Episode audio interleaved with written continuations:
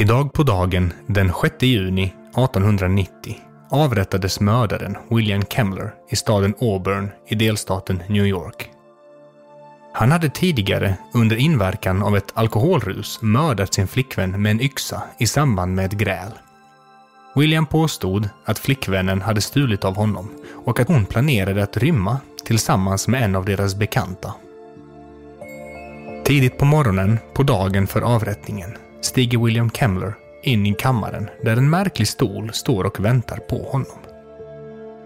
Han går utan att göra motstånd och hade varit samarbetsvillig hela vägen. Han ska, i sina egna ordalag, ha sagt att han är på väg till ett bättre ställe. Vad som gör just denna avrättning speciell är att detta är den första gången som man använder den elektriska stolen som avrättningsmetod. Avrättningen gick inte direkt snabbt och humant till. Det tar nämligen cirka åtta minuter att ta död på Kemmler som får ta emot två långa stötar på 1000 respektive 2000 volt. Mellan stötarna får man avvakta en liten stund på att generatorn som alstrar strömmen ska åter laddas. Ännu idag finns det möjlighet att välja avrättning med den elektriska stolen i vissa delstater, även om man för det mesta ändå använder injektion som metod.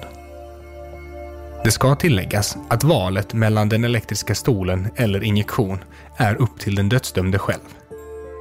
Själva stolen är, i motsats till vad namnet antyder, inte elektrisk, utan uppbyggd i trä. Den är försedd med remmar av läder som den dödsdömde spänns fast med. Avrättningen sker med hjälp av elektroder som därefter sätts fast på huvud och fötter, varefter strömmen slås på. Stolen anses av många vara en grym och osäker avrättningsmetod. Och även i modern tid har man tvingats ge den dödsdömde flera stötar innan döden inträffat. På senare år har några avrättningar trots detta genomförts med hjälp av den elektriska stolen. Senast detta ägde rum var inte ens för ett år sedan. Den 5 december 2019 avrättades Lee Hall i Nashville, Tennessee. Ironiskt nog för samma brott som William Kemmler 120 år tidigare. Det vill säga för mordet på sin flickvän.